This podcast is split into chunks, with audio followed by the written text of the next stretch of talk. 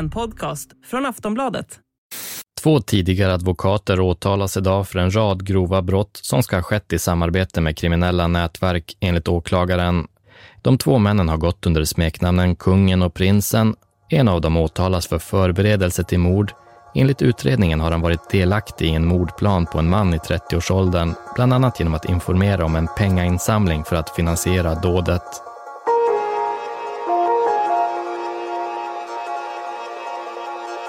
Advokaterna var flitigt anlitade av grovt kriminella och de hade smeknamnen Kungen och Prinsen. Nu står de åtalade för att själva vara delaktiga i de kriminella gängens brottslighet. Sedan år 2020 har nio advokater blivit uteslutna ur Advokatsamfundet på grund av att de brutit mot advokatetiken. Flera av dem är dessutom misstänkta för att ha brutit mot lagen och riskerar att hamna i fängelse. De har kallats nätverkskriminella i kostym. Det här är Gangsteradvokaterna, ett avsnitt av Aftonbladet Krim. Jag heter Anders Johansson.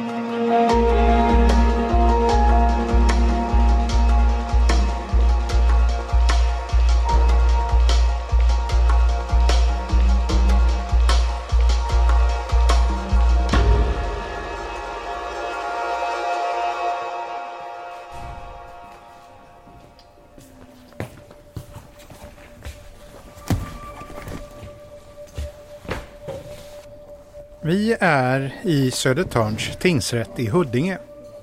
Det är torsdagen den 16 juni. Klockan är strax innan nio på morgonen. Målet vi är här för att bevaka ska avhandlas i säkerhetssalen. Sal 1 som ligger under jord. Strax innan nio släpps vi ner i källaren en trappa ner. Det är en förhållandevis stor skara journalister på plats. Vi från media ska sitta själva här och övriga åhörare får följa förhandlingen från en sidosal.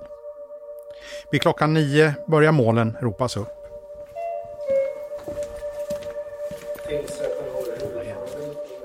Grovt rattfylleri, ringa narkotikabrott, ringa narkotikabrott igen, misshandel.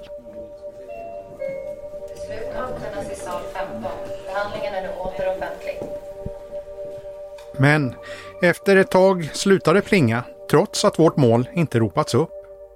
Något verkar ha blivit lite försenat. Vi behöver inte vänta länge. Efter några minuter tänds den gröna lampan utanför salen och målet ropas på.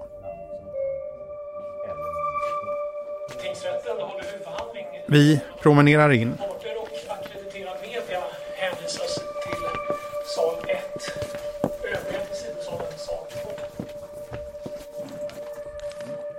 På andra sidan skyddsglaset tar polisens utredningsgrupp på fem personer plats på åklagarsidan. Två uniformerade poliser sätter sig också i varsin ände av salen. I vår åhörarsal är två ordningsvakter med. Samtidigt som vi släpps in leds den åtalade mannen in. Han är klädd i en brun tröja, fabriksslitna jeans och vita sneakers. Han har rakat hår och skäggstubb. Kriminalvårdarna hjälper honom av med handfängslen. Han kastar en snabb blick mot oss på andra sidan skyddsglaset. Han har varit här många gånger förut, men då i en annan roll. Vi återkommer till det. På motsatt sida i salen sitter två åklagare, Eva-Marie Häggqvist och Patrik Sonevang, som jobbar på Riksenheten mot internationell organiserad brottslighet. Efter en kort stund inleder domaren Eva-Lena Norgren, som också är chef för den här tingsrätten, dagens förhandling. Ja, god morgon allihopa. Eh, nu har vi samlats här idag för att ha ett antal dagars huvudförhandling. Jag heter Eva-Lena Nordgren. Jag är lagman här på Södertörns tingsrätt. När domaren pratar lutar den åtalade mannen huvudet mot sin hand. Han lyssnar uppmärksamt, sneglar lite mot åhörarplats. Han ser aningen hopsjunken ut i stolen där han sitter bredvid sin advokat. Efter några minuters formalia från domaren lämnar hon över ordet till åklagare Eva-Marie Häggqvist som får berätta vad den första åtalspunkten i målet gäller. Skyddande av brottsling, grovt brott. Att den åtalade mannen förmedlat uppgifter som lett till att förundersökningen mot en brottsmisstänkt person lagts ner.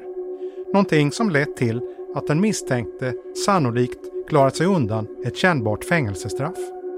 Mot slutet kommer Eva-Marie Häggkvist till detaljen som gör att just det här brottet sticker ut från vanligheterna. Brottet är grovt, dels med hänsyn till det underliggande brottets allvarlighet, dels då en advokat missbrukat sin ställning som offentlig försvarare med enrumsprivilegium. Har, i vart fall när han begått brottet, utnyttjat sin ställning som advokat och missbrukat ett särskilt förtroende.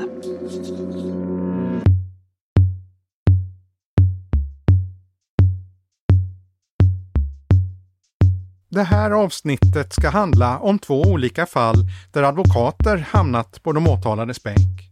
Inte som vanligt sittande bredvid en klient de försvarar, utan som misstänkta själva. Fallen som vi ska skildra i det här avsnittet skiljer sig på flera punkter, men har som gemensamt att de åtalade advokaterna misstänks ha gått långt över gränsen för vad man får göra för att hjälpa sina klienter. Det ena ärendet utspelar sig i Stockholmsområdet, det andra i Halmstad. Vi börjar med målet som just nu avhandlas i Södertörns tingsrätt. Ett ärende som, likt många andra uppmärksammade fall, börjar med en knäckt mobiltelefon. Och uppstarten som sagt på det här ärendet, det var ju det att fransk polis knäckte den krypterade eh, chatten, mobiltelefonerna, Encrochat i runda slängar runt juni månad 2020. Det här är Lars Bröms, chef för en grupp pensionerade och mycket erfarna grova brottsutredare. En grupp inom polisen i Stockholm som kallas för Silvervargarna. Efter att fransk polis knäckt Encrochat får svensk polis ta del av materialet från de krypterade telefonerna. När vi får det här materialet tillsänt till oss från fransk polis så är det ju ja, det är helt otroligt gigantiskt. Och det innebär att vi i många utredningar kunde faktiskt följa vissa ärenden i realtid. Materialet ger en närmast unik insyn i Sveriges undre värld. Meddelande för meddelande där mord planeras, narkotikaleveranser diskuteras och där vapen köps och säljs. Materialet kommer generera en mängd ärenden hos polisen. Men ett av ärendena som låg i den här högen, det var ju vårat ärende. Ja, ett ärende sticker ut. I det stora materialet identifierar utredarna ett antal meddelanden som verkar vara intressanta. Vi ser lite namn som dyker upp. Och eh, då börjar vi att dra lite grann i det här. Och när vi ser då vad de här namnen är involverade i, då vet vi ju inte vilka som är deras motparter. Men eh, vi anar ju vilka våra två namn är. Polisens misstanke är att Encrochat-kontot används av två försvarsadvokater. De som kallats för kungen och prinsen. Två advokater som under den här tidsperioden figurerar i en mängd stora gängmål. Men än så länge är det bara en misstanke som kräver mer utredning. Och då när vi börjar få klart för oss att eh, det här kan faktiskt vara två verksamma advokater. Då vänder vi oss som sagt var till ledningen och begär resurs och det är då bland annat som David och Tobias eh, ansluts till den här utredningsgruppen. De två personer som Lars Bröms nämner här är Tobias Kvist och David Nyberg. De jobbar som finansiell utredare respektive analytiker. De ansluter till gruppen för att utreda om advokaterna kan vara de som ligger bakom det aktuella Encrochat-kontot. För här kommer vi till ett av de centrala problemen med Encrochat.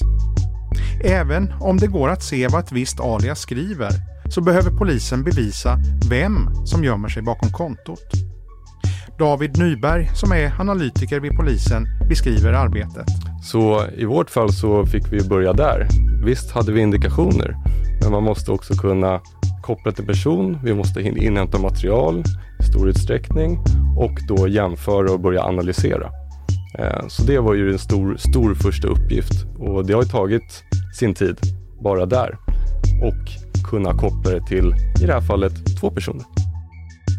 Det handlar alltså enligt polisen om ett alias som används av två olika personer. Eftersom polisen misstänker vilka de två personerna är blir uppgiften att kartlägga och se vad det finns för kopplingar mellan de personerna och Encrochat-kontot som de tros ha använt. Vi hör Lars Bröms igen. Egentligen från dag ett till sista dagen så vet vi vad de har gjort. Vart de har rest, vart de har sovit, allt och bankomatuttag och liknande för att kunna knyta den här Encro Encro-mobilen till handen på den som har använt den vid just det tillfället. Förutom finansiell utredning och utskrifter av bankomatuttag finns även andra saker i chattarna som enligt polisen skulle kunna koppla kontot till de två misstänkta advokaterna. Eh, en sak kan ju då vara hur man själv benämner sig. Exempelvis att man kallar sig för kungen eller att man kallar sig för prinsen. Det innebär ju att vi har någonting att börja och jobba med. Och det kan ju ha varit så i det här fallet.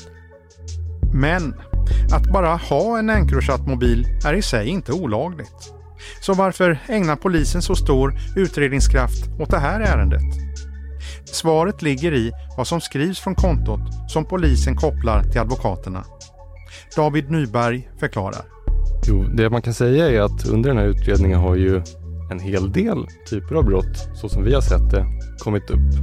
Men det är ju en bråkdel nu som vi lägger fram i åtalet. Och det syns ju i stämningsansökan att det vi pratar om är, vi har ju medhjälp eh, till förberedelse till mord. Vi har också eh, en eh, medhjälp till synnerligen grovt narkotikabrott och vi har ju också grovt skyddande av brottsling. Så det är ju väldigt grova brott. Ja, i chattarna framkommer uppgifter som gör att polisen misstänker att de två advokaterna, kungen och prinsen, gjort sig skyldiga till flera brott. Bland annat grovt skyddande av brottsling och medhjälp till synnerligen grovt narkotikabrott. Och att en av advokaterna misstänks varit delaktig i ett brottsupplägg där en person tros ha fått ett pris på sitt huvud. Vi påstår ju att en av eh, de misstänkta har haft ett förmedlingsuppdrag att inhämta eh, ekonomi för ett eh, framstående mord.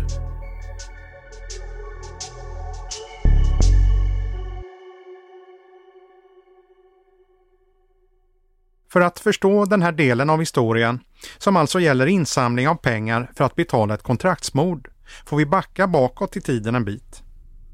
Bakgrunden är en flerårig hämndspiral som involverar en rad av Stockholms absolut våldsammaste nätverk. I centrum står en person som tycks ha ett pris på sitt huvud. Vi kallar honom måltavlan. Berättelsen är som följer. Den 5 juni 2018 skjuts en man ihjäl utanför ICA Maxi i Barkarby. Mannen som dör är en utpekad gängkriminell. Mordet är ouppklarat men i kriminella kretsar verkar det finnas en uppfattning om att mannen som vi kallar för måltavlan var den som höll i vapnet. Måltavlan sitter två år senare på Saltviksanstalten dömd för ett annat brott. Men trots att han är intagen på ett av Sveriges mest hårdbevakade fängelser tycks flera personer se en möjlighet att genomföra en hämnd. Bevisningen i den här delen av målet står främst på två ben. Dels meddelandena som skickas från Encrochat-mobilen som polisen kopplar till advokaterna. Dels vittnesmål från en person som sitter på samma anstalt som måltavlan. Vi börjar med Encrochatten. Allt börjar med ett meddelande som skickas den 10 april 2020 från den Encrochat-mobil som enligt polisen används av advokaten Kungen. Meddelandet lyder. M sa till mig att han har klar. Kort senare följer ett nytt meddelande. Och du ska kontakta Juggan. Han ska ge dig en kanin. Han frågade inte hur, men det kommer att ske snart. Och en annan ska ge dig en halv kanin. Dagen efter kommer det som tycks vara svaret. Grönt ljus, en kanin. Och det är inte Juggen, det är någon annan han hade löst sitt problem med. Han säger det till han, en kanin är klar i alla fall. Sen följer ett antal meddelanden till som enligt polisen tyder på att kungen förhörs om hur insamlingen av pengarna går. Kanin är alltså slang för en miljon kronor.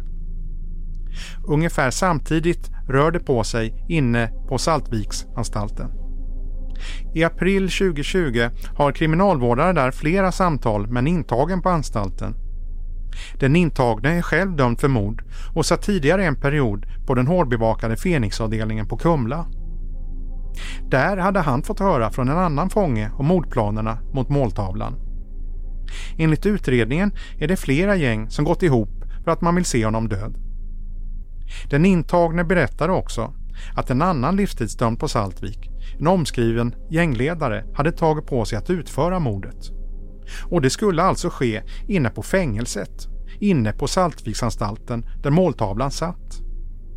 Gängledaren skulle få 3 miljoner. Ett förskott på en halv miljon skulle ha betalats till en kumpan till gängledaren på utsidan. Den intagne berättade även att han hört att advokaten Kungen var involverad i mordplanerna. Att advokaten skulle hantera pengarna som skulle betalas för mordet. Under samma tidsperiod flyttas gängledaren till samma avdelning som måltavlan. Enligt den intagnes berättelse fanns det stora förväntningar på gängledaren. Att något snart skulle hända. Men ingenting händer. Av okänd anledning genomförs aldrig mordplanerna. Den 19 april skickas några meddelanden i Encrochatten som polisen tolkar som att planerna läggs på is. Men oavsett den utgången har advokaten enligt åtalet under alla omständigheter medverkat i att försöka anstifta någon att utföra mordet på måltavlan. Ja, vi påstår att han har varit den som har samlat in medel från andra kriminella för att man ska få fram en person som ska ta livet av den här kriminella. De besvärande bevisen är att den intagnes berättelse i stora delar stämmer överens med det som polisen tagit del av i Encrochattarna. Vi, vi har fått en historia av ett vittne och eh, den här historien transponderar ju fantastiskt väl med det enkromaterial som vi har. Så att eh, det här vittnet hade ju ingen kännedom om vad vi hade läst i Encrochat. Så att man kan säga att det jackade i väldigt bra. Och eh, utifrån, utifrån vårat material så får man ju säga att det här vittnet ger ett väldigt trovärdigt intryck. Vi har det svart på vitt och så får vi höra den historien av ett vittne som inte har ett uns aning om vad vi sitter på. Enligt Lars Bröms avslöjar utredningen häpnadsväckande detaljer. En eh, ytterst skrämmande bild skulle jag vilja säga. Eh, där vi har i det här fallet två advokater som sätter egentligen hela rättsväsendet eh, ur balans genom att eh, vidta de här åtgärderna som, som de har gjort. Det är värt att påpeka att det bara är kungen som åtalar i den del som handlar om förberedelse till mord. Kungen är dessutom ensamt åtalad för ett fall av grovt skyddande av brottsling. Både kungen och prinsen står åtalade för skyddande av brottsling och medhjälp till synnerligen grovt narkotikabrott. De båda nekar till alla anklagelser.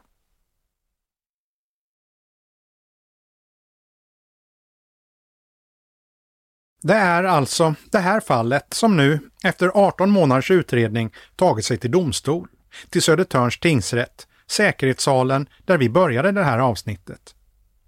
Under den här torsdagen är det bara den första åtalspunkten som står på agendan, alltså skyddande av brottsling, grovt brott, där enbart kungen är åtalad. Den åtalade advokatens egen försvarare, Slobodan Jovicic, redovisar sin klients inställning.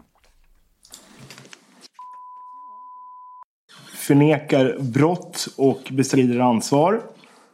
Och han gör det såväl på objektiv som subjektiv grund. Under förmiddagens förhandling lägger åklagaren stor vikt vid att knyta advokaten kungen till det aktuella Encrochat-kontot. Kopplingarna de pekar på tycks vara flera.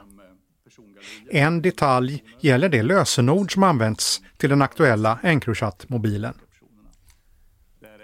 Mobilen har ett lösenord som dels kan knytas till kungen, men som också återkommer i flera av hans andra inlogg. Åklagare Patrik Sonevang. Facebook-kontot kopplat till hans telefonnummer har lösenord. Och även Spotify-kontot. Inloggningen på advokatsamfundet.se, Dropbox-kontot, Netflix-kontot och så vidare. Samtliga har alltså samma lösenord. En annan detalj handlar om smeknamn. I Encrochat kan användare nämligen sätta smeknamn på andra användare på samma sätt som man gör i en vanlig telefonbok.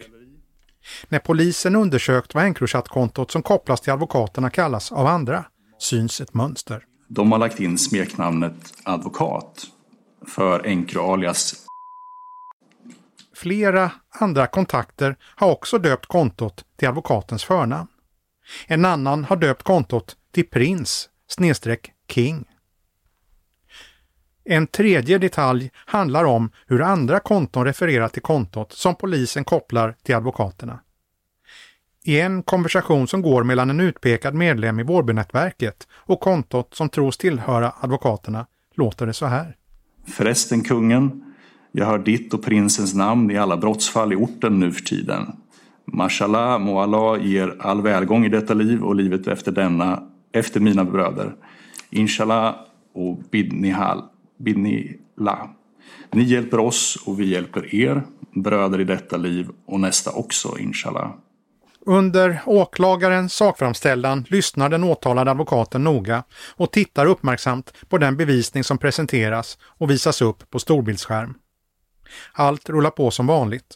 Men efter ungefär en timmes förhandling verkar det nästan som att han glömmer av sin roll. Att han inte är här som advokat, utan som åtalad. När åklagaren presenterar en bevisuppgift avbryter kungen och säger att han vill ställa en fråga. Domare Eva-Lena Norgren ryter ifrån. Nej, nej, du ställer inga frågor. Varsågod, Ja, fortsätt. vi får återkomma. Jag noterade att, att det är eh, en fråga där som eh, vi ska dubbelkolla. Kungens advokat ber kort senare om ursäkt för sin klient. Jag, lä, jag läser bara just... Jag ber om Nej, men- nej, men- Jag, jag vill bara säga att Nej, det är arbetsskada där. Det var därför Ja, man ja. reagerade som man gjorde. Det kommer inte att Ja. upprepa sig. Nej, det är bra. För har ni frågor så får vi ta det sen. Några minuter senare är den första delen av förhandlingen över. Det var det. Då Då är det väl ett bra tillfälle att bryta för paus här, tänker jag. Eh, vi tar 20 minuters paus. Vi träffas här igen kvart i elva. Det gäller även er eh, åhörare som sitter i sal 2. Vi startar igen klockan kvart i elva. Senare under dagen erkänner kungen för första gången att han skrivit till kriminella på Encrochat. Tidningen Expressen rapporterar att han säger att han inte förtjänar advokattiteln och att han skäms. Han nekar fortfarande till brott. När vi spelar in det här är förhandlingen i Södertörns tingsrätt ännu inte avslutad. De två tidigare advokaterna nekar som sagt till brott och ska betraktas som oskyldiga. Vi lämnar Södertörns tingsrätt här, men vi ska till en annan rättssal. Åtalet mot kungen och prinsen är nämligen inte det enda aktuella fall där grova brottsanklagelser riktas mot personer som vanligtvis arbetar med att försvara brottslingar. Ungefär 41 mil fågelvägen från Södertörns tingsrätt ligger Halmstads tingsrätt. När vi kommer dit är det en tisdag, den 7 juni. Tingsrätten har nyss öppnat och klockan är strax efter åtta.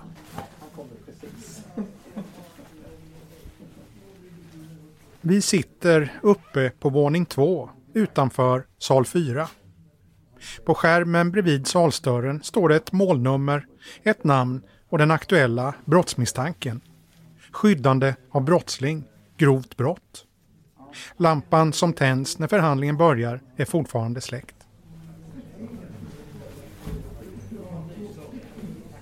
Vid halv nio-tiden dyker det upp två män som båda tycks vara runt 60 år gamla. De är klädda i kostym, har svarta finskor och drar varsin rullväska. Båda är advokater, men idag är bara en av dem här i tjänsten.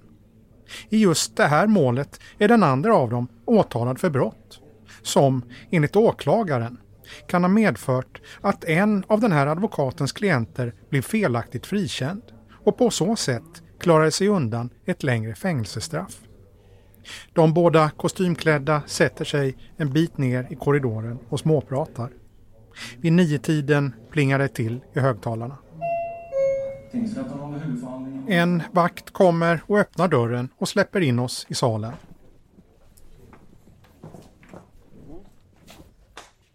Du som lyssnat på den här podden tidigare har säkert hört oss berätta hur det brukar se ut inne i rättssalarna när några av Sveriges mest uppmärksammade mål ska avgöras. Stora rum, säkerhetsglas, åtalade som leds in följda av ett koppel av kriminalvårdare, poliser och vakter som håller ordning bland åhörarna. Det står i bjärt kontrast till hur det ser ut idag. Det här är en liten sal vi som ska lyssna får sitta på några stolar uppställda längs ena väggen. Ingen har handfängsel. Inga kriminalvårdare är i salen. Inga vakter eller poliser är synliga. Ett enkelt rep skiljer oss från de som ska delta i målet. Vi sätter oss ner och lyssnar när domaren Joakim Hugosson tar till orda. Ja, då ska tingsrätten hålla huvudförhandling i det här målet. Och eh, åklagare det är eh, kammaråklagaren James von Rice. Ja.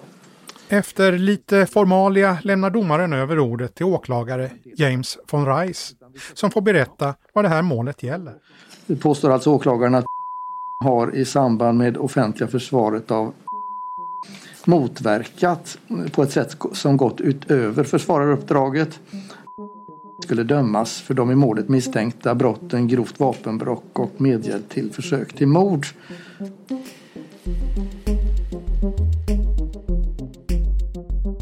Det här målet tar enligt polisen avstamp i konflikter mellan kriminella grupperingar i Halmstad. Oroligheterna har lett till skjutningar, sprängdåd och bilbränder. Något som fått polisen att påbörja en spaningsinsats. Åklagare James von Reis igen. Polisen har uppfattat att det skett en uppdelning som kan förklara våldsdåden och med anledning av dessa polisiära bedömningar har spaning bedrivits mot personer och platser. I juni 2019 bedrevs sådan spaning i sydöstra Halmstad och eftermiddagen den 11 juni 2019 filmas en grupp personer. Ja, en eftermiddag i juni 2019 har en grupp människor samlats i ett bostadsområde i Halmstad. En bit bort sitter polisen och filmar männen. På film ses hur en person, det är han tydligen identifierad som ganska snabbt, att han överlämnar ett vapen till som också tydligen identifieras snabbt. Kort senare smäller det bara en liten bit från överlämningsplatsen och ett flertal skott avlossas mot två män som sitter på en parkbänk. Ingen skadas. På brottsplatsen anträffades sju tolmhylsor, två med den här kalibern och fem med en annan kaliber. Enligt åklagaren i det målet talar fynden för att det varit två skyttar. Och att avsikten var att döda eller allvarligt skada dem eller i vart fall allvarligt hota dem. En kula trängde även in i en närliggande bostadslägenhet. Efter skjutningen grips ett flertal personer. Men de två som tycks hantera ett vapen på polisens film lämnar landet. Men ska jag visa snart eh, blev ju eh, snabbt frånvarohäktade och efter, internationellt efterlysta. Sen följer en ganska rörig rättsprocess. Eftersom vissa som tros vara inblandade är gripna väcks åtal mot dem samtidigt som några av de andra misstänkta är kvar på fri fot utomlands. Vi redovisar inte alla turer här utan håller blicken på den man som fångades på film där han tycks överlämna ett vapen till sin kumpan. För efter några månader utomlands åker han plötsligt fast. Greps vid inresa i Norge och häktningsbeslut mot honom verkställdes först den 11 mars 2020. Då hade han ju varit borta ifrån Sverige sedan sommaren 2019 när det här hände, ursprungsbrottet hände. Efter att han gripits får han en försvarare, sätts i häkte och förhörs för brottet han misstänks för. Det är här den här berättelsens huvudperson gör entré. Och nu eh, aktiverades ju förundersökningen beträffande och det är alltså här som advokat eh, kommer in som försvarare för under förhören vill den misstänkte mannen inte säga särskilt mycket om bilderna där han tycks överlämna ett vapen. Men i rätten kommer hans förklaring. Under huvudförhandlingen uppgav att det var en pluggad pistol som han hade överlämnat till och att den pluggade pistolen sedan återlämnats och lagts i lägenhetsförråd. Förklaringen är alltså att pistolen som syns på bilderna är pluggad. Ett vapen som gjorts obrukbart. Han säger dessutom att den pluggade pistolen kan hittas i hans källarförråd. Efter hans ord i rätten görs en ny husrannsakan där polisen öppnar förrådet. Och mycket riktigt hittas då en pluggad pistol. En upptäckt som sannolikt förvånar en del av de poliser som jobbat med ärendet. Men totalt har alltså fyra husrannsakningar gjorts innan denna då som var under, blev under pågående rättegång i det aktuella källarförrådet utan att någon pistol hade hittats. Fyndet gör att hela åtalet mot mannen ställs på ända. Hur ska han kunna vara skyldig till medhjälp till mordförsök och grovt vapenbrott om han bara lämnat över en pistol som inte går att skjuta med? Några veckor efter förhandlingen kommer domen. Eh, I den domen så konstateras att överlämnade ett vapen till Ja, det syntes ju nästan på foto. Men tingsrätten fann det inte styrkt att det var en skarpladdad pistol. Och det vill säga eh, så som det står i domskälen där. Och därmed kan det inte ha varit den som användes för den skarpa skottlossningen. Alltså mordförsöket då. Va? Här skulle egentligen den här delen av det här målet kunnat vara över. Men så, 2020, kommer svensk polis över material från Encrochat, den krypterade meddelandetjänsten. I det enorma materialet hittar polisen ett antal chattkonversationer som tycks handla om den här skjutningen i Halmstad. Det handlar framförallt om en konversation som pågår under den 15 och den 16 april 2020. Eh, I den så omtalas att advokat skulle varit med och planera för att genomföra en plantering av en pluggad pistol i källare med avsikten att de inte skulle kunna vara skyttar då vapnet inte var funktionsdugligt.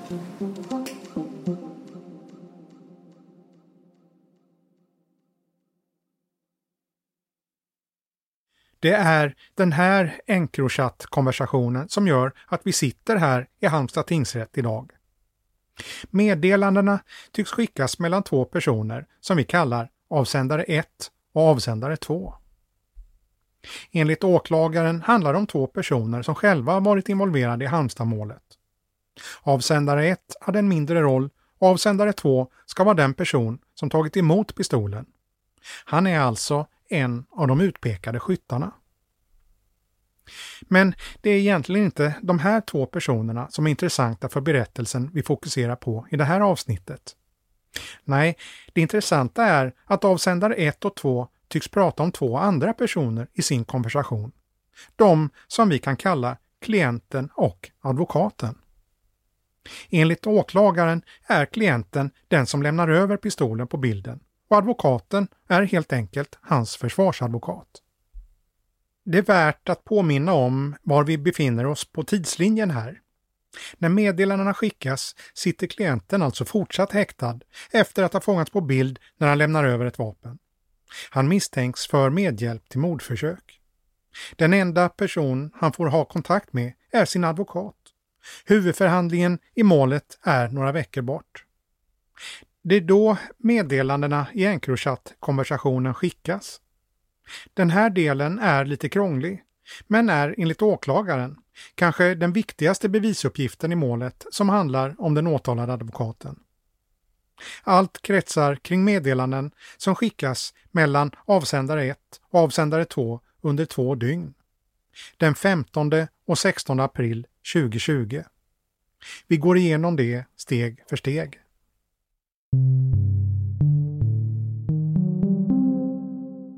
Det första meddelandet som är intressant i det här målet skickas vid åtta tiden på kvällen den 15 april. Åklagare James von Reis läser. Bror, ja, vad sa du om den pluggade offran? Det ska väl vara puffran? Den andra avsändaren svarar. Jag hade sagt till advokaten att lägga den i källaren så de hittar den. För de har förbättrat bilden och man ser det är en gun. Enligt åklagaren är innebörden i det här meddelandet att den person som sitter häktad, klienten, genom sin advokat meddelat att de behöver placera en pluggad pistol i källaren. Anledningen är bilden som vi nämnde tidigare. Den där något ser ut som ett riktigt vapen lämnas över av den åtalade till en misstänkt kumpan. Avsändare 1 förklarar planen. Att den ligger i källaren, den kan ej användas. Den var den som syntes på bilden. Men avsändare 2 tycks vara skeptisk till planen. Bror, de har ju gjort husrannsakan hos han innan. Tänk om de säger den har blivit plantad där efteråt eller något. Avsändare 1 svarar igen. Bror, att polisen inte gjorde det eller den ordentligt är inte eran brist utan deras. Det är vad som, ska det nog vara, eller granne med M, kan bevisas. Meddelanden skickas fram och tillbaka där de två avsändarna verkar diskutera planen. Avsändare 1 är mer drivande, avsändare 2 verkar skeptisk. Han verkar inte förstå hur det ska hjälpa honom att det läggs en pluggad pistol i ett källarförråd. Avsändare 1 förklarar. Då är det för er att säga den gunnen jag och hade använt oss utav är denna pluggade. Säg mig, hur fan kan jag skjuta med den? De två kommer till slut överens om att det är en bra plan. Kort senare i chatten skriver avsändare 1 att han ska åka upp för att träffa en namngiven person är En person som har samma namn som den advokat som representerar den häktade klienten i målet. Avsändare 1 säger att han ska träffa den namngivna personen på hans kontor.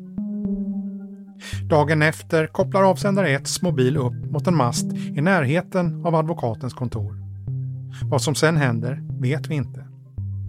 Men drygt en månad senare sitter alltså advokatens klient i rätten och berättar då en historia som på flera punkter liknar den som avsändare 1 och 2 skrivit om i Encrochat-konversationen. Samma dag åker polisen till källaren och hittar den pluggade pistolen. Ett fynd som gör att klienten frias.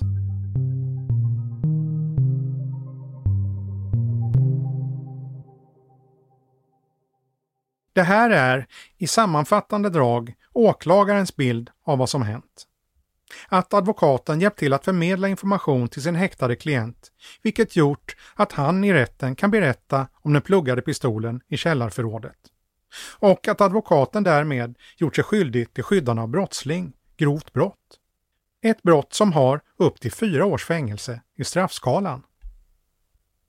Det finns enligt åklagaren mer bevisning än själva Encrochat-konversationen som knyter advokaten till brottet. Men chattarna är kanske den viktigaste pusselbiten.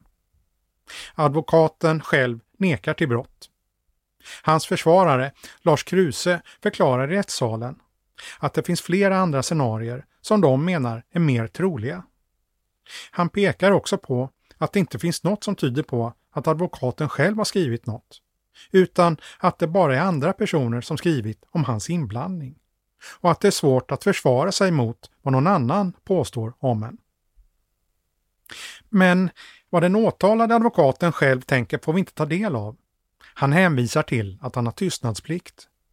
I en paus under rättegången pratar vi med Lars Kruse som kortfattat förklarar hans klients inställning.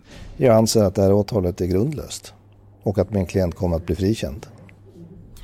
Och varför anser du det? Ja, just därför att eh, det finns ingen bevisning som visar att min klient skulle ha gjort på det sätt som åklagaren påstår. I rätten idag så eh, är det ju också så att din klient kommer inte prata eller svara på några frågor. Varför inte det? Min klient har en absolut tystnadsplikt i den roll som han har haft som offentlig försvarare för den person som ju då inte är här idag, nämligen hans klient och som är den som i sin tur är upphov till den situationen som min klient befinner sig i. Och han är då bunden av denna tystnadsplikt så han kan inte svara på några frågor inför rätten.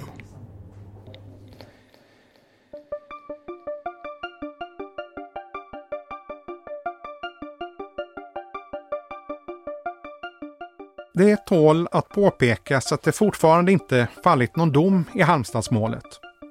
Den åtalade advokaten där ska därför betraktas som oskyldig. Samma sak gäller de åtalade uteslutna advokaterna kungen och prinsen.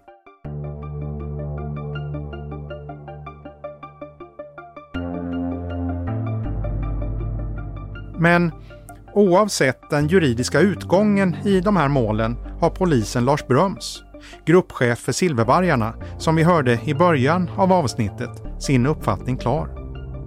Deras ärende pekar på att det finns advokater som är delaktiga i de gängkriminellas brottslighet och att det är ett samhällsproblem. Ja, konsekvenserna eh, blir ju de då att om vi, om vi har pågående mordutredningar och vi har advokater som springer de misstänktas ärenden, delar med sig information om vad som sägs i förhör och liknande. Det, det gör ju att eh, vi kommer inte att nå vägs ände i våra utredningar. Vi kommer ju att påvisa ett sådant ärende här i ett eh, brott som är grovt skyddande av brottsling där en av våra tilltalade har lämnat information till berörda i ärendet, vilket har gjort att eh, ärendet fick läggas ner. Och en misstänkt brottsling kom undan? Ja. Nätverkskriminella i kostym har åklagare kallat de här advokaterna. Vad tycker du om den beskrivningen? Jag delar den till 100 procent. Eh, jag jämställer eh, våran misstänkta, våran misstänkta advokat i det här fallet, eller bägge två. Eh, jag jämställer det med en nätverkskriminell som står på gatan och skjuter med pistol eller en kalasjnikov. Varför jämställer du det? Ja, i det, i det, vi påstår nu är ju bland annat då att en av våra misstänkta försöker få till stånd ett mord genom att samla in pengar för att ett mord ska begås. Ett eh, kontraktsmord. Och eh, jag kan faktiskt likställa det med att stå och hålla i en pistol. Det är en kugge i maskineriet? Ja, absolut. Det är en väldigt viktig kugge i maskineriet. Får du inte in pengar, då får du heller inget kontraktsmord. Polisens utredare understryker att just en advokats förmåner och rättighet att få prata enskilt med klienter, det så kallade enrumsprivilegiet, är något som har missbrukats och utnyttjats. Vilket i praktiken, enligt misstankarna, möjliggjort för dömda kriminella att kommunicera och planera brott med kumpaner på utsidan eller som är inlåsta på andra ställen. Vi hör Tobias Kvist. Brotten som har begåtts i det här fallet har ju gjorts delvis inifrån en av Sveriges, Sveriges säkraste anstalter.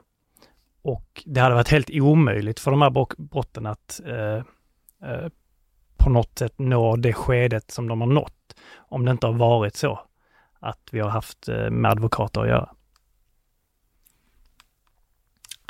Vi har haft uteslutningar, det har varit eh, diskussioner om att de har en jargong som är hetsk, de marknadsför sig med gangsterromantik, eh, har varit en kritik. Varför har det blivit på det sättet? Jag kan egentligen bara killgissa lite där och tro att det är helt enkelt ett sätt att få in mer kunder, tjäna mer pengar. Är det här ett samhällsproblem? Det vi påvisar i våran eh, undersökning här, det är ett skrämmande samhällsproblem. Och jag hoppas att det bara är en promille av Sveriges advokatkår som beter sig på det här sättet. Nu fick ni det här materialet. Ni kunde påvisa att advokater var delaktiga en kriminell verksamhet. Nu är det här lite hypotetiskt, men vad skulle kunna ha hänt om det här inte hade upptäckts? Ja, det, det är ju hypotetiskt som sagt var, men det, det kunde ju faktiskt ha blivit så att det här mordet hade genomförts. Och kanske andra mord. Som sagt, det här är hypotetiska spörsmål bara.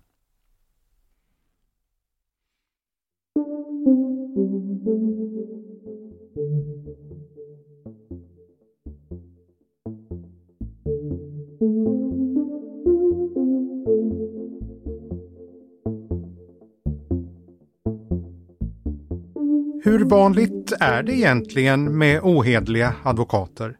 Sådana som åklagare och polis kallar nätverkskriminella i kostym. Och vad vill egentligen advokatkåren själv göra för att komma åt problemet? För att få kalla sig advokat behöver man vara med i det som heter Advokatsamfundet.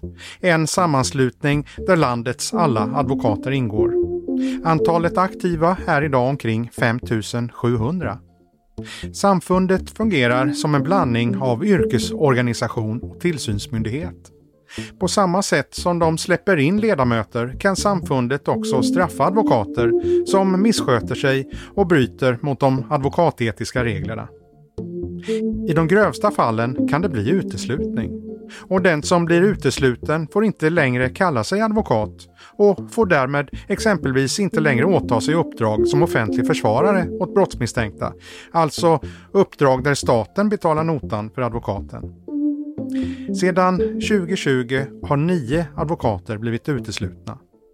Två av dem har blivit uteslutna i år, 2022, och enligt inofficiella uppgifter pågår ytterligare disciplinärenden som kan leda till uteslutning.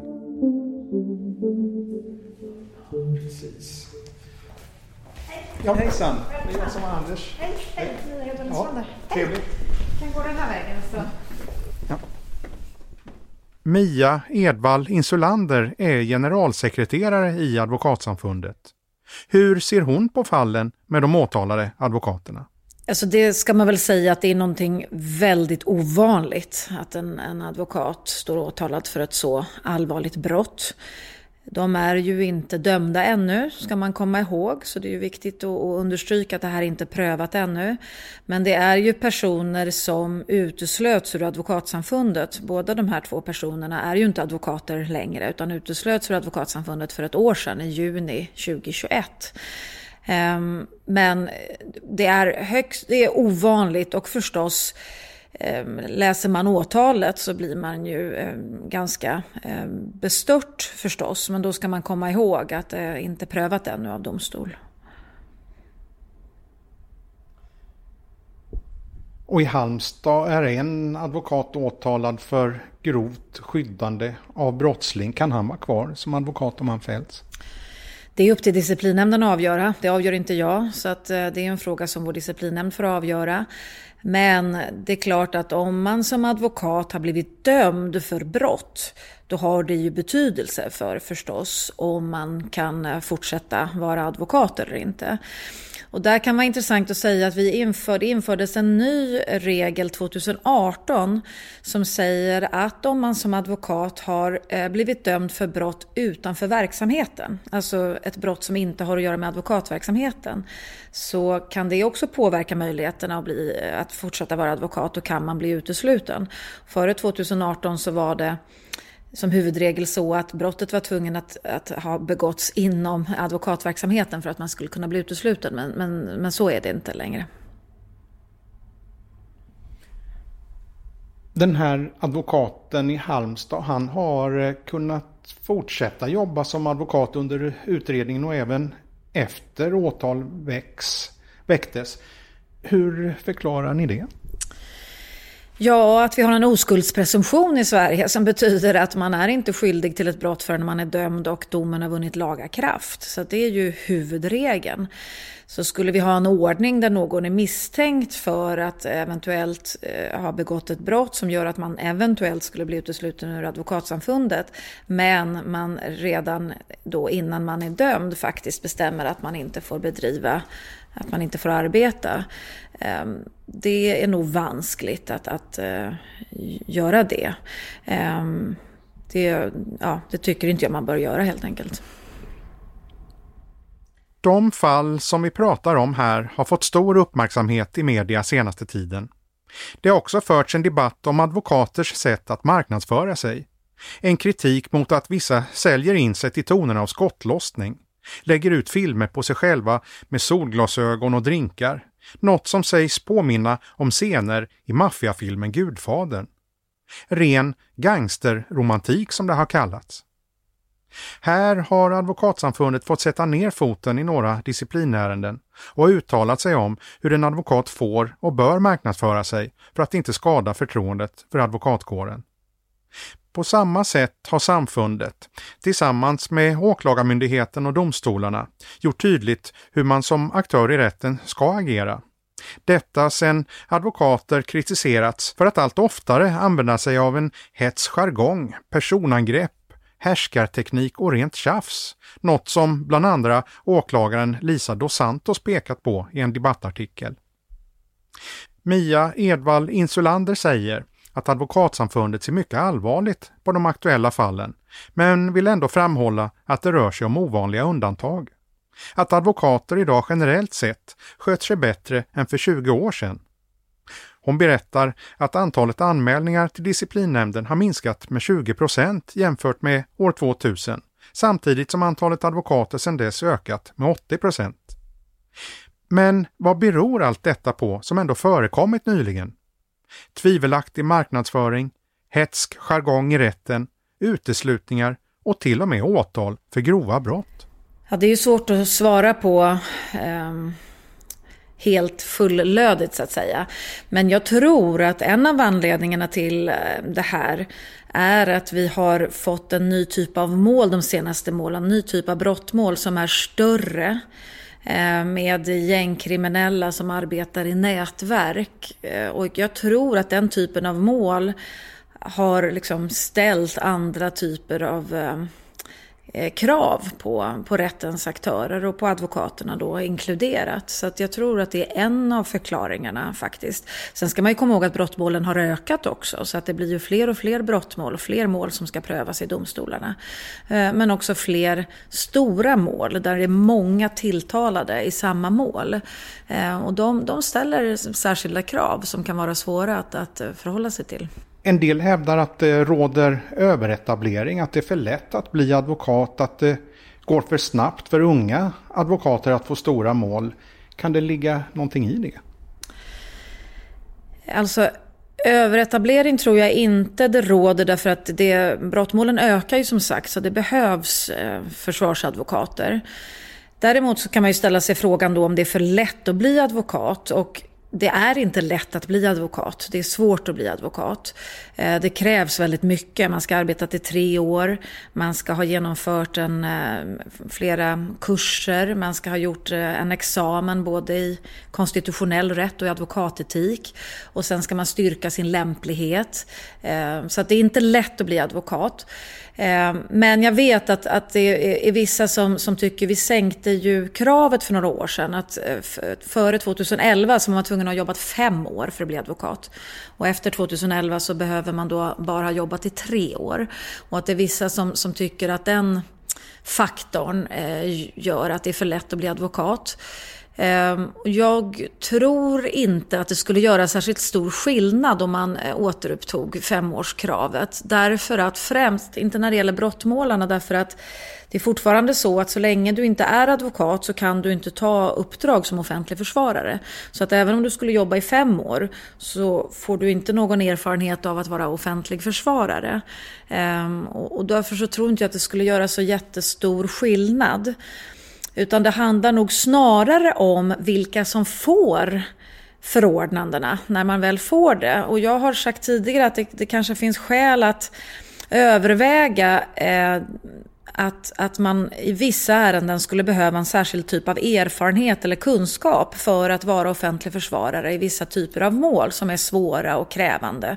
För det är helt klart så att, att ehm, eh, erfarenhet behövs och är positivt i, i vissa svåra, eh, alltså vissa typer av mål som är komplicerade och svåra. Så är det bra om advokaten har lång erfarenhet. Och då kanske man snarare ska se över det, att eh, vilka advokater förordnar vi i vissa typer av mål? Mål. Där vill jag gärna sagt också att det är ju domstolen som förordnar och redan idag så säger lagstiftningen att man ska förordna en offentlig försvarare som är lämplig. Så det finns redan idag vissa möjligheter för domstolen att faktiskt välja vilken försvarare man ska förordna i vissa typer av mål. Om det till exempel är fängelse med, med minimumstraff två år. Eh, Eh, I straffskalan ehm, så, så kan man, eh, finns det möjligheter att, att välja en advokat som är mer erfaren. Ehm, och det tror jag kan vara viktigt att, att se över det. Du säger speciella mål. Är det till exempel mål som gäller gängkriminalitet?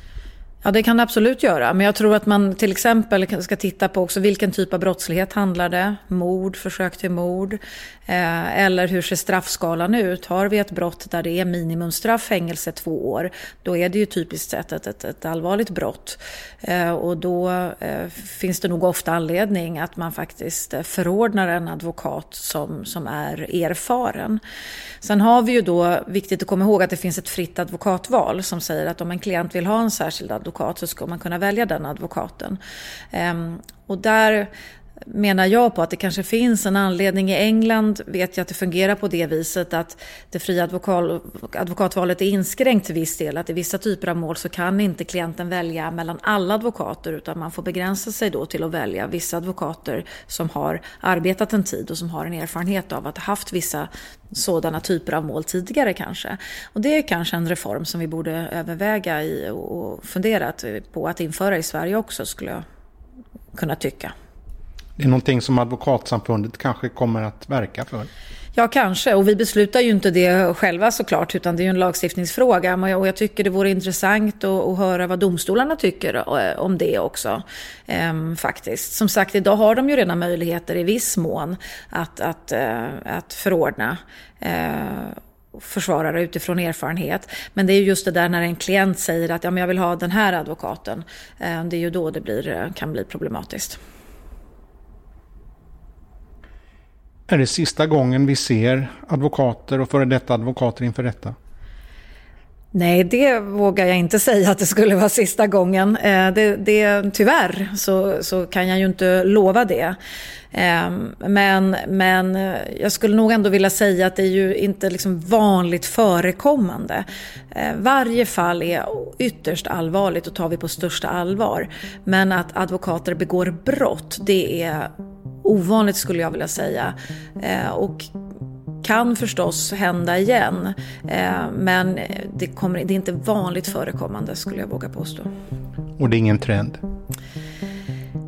Nej, det underlag och det som vi känner till idag så är det inte en trend. Eh, och vi får fortsätta jobba väldigt hårt och aktivt med att se till att det inte blir en trend helt enkelt.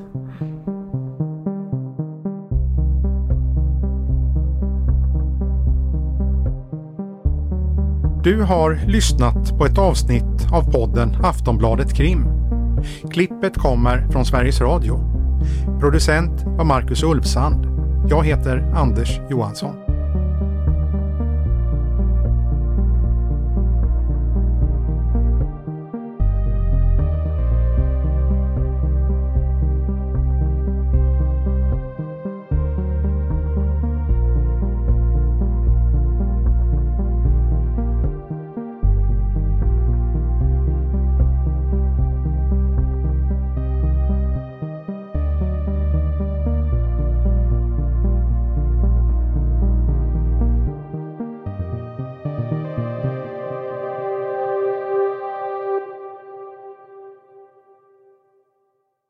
Du har lyssnat på en podcast från Aftonbladet.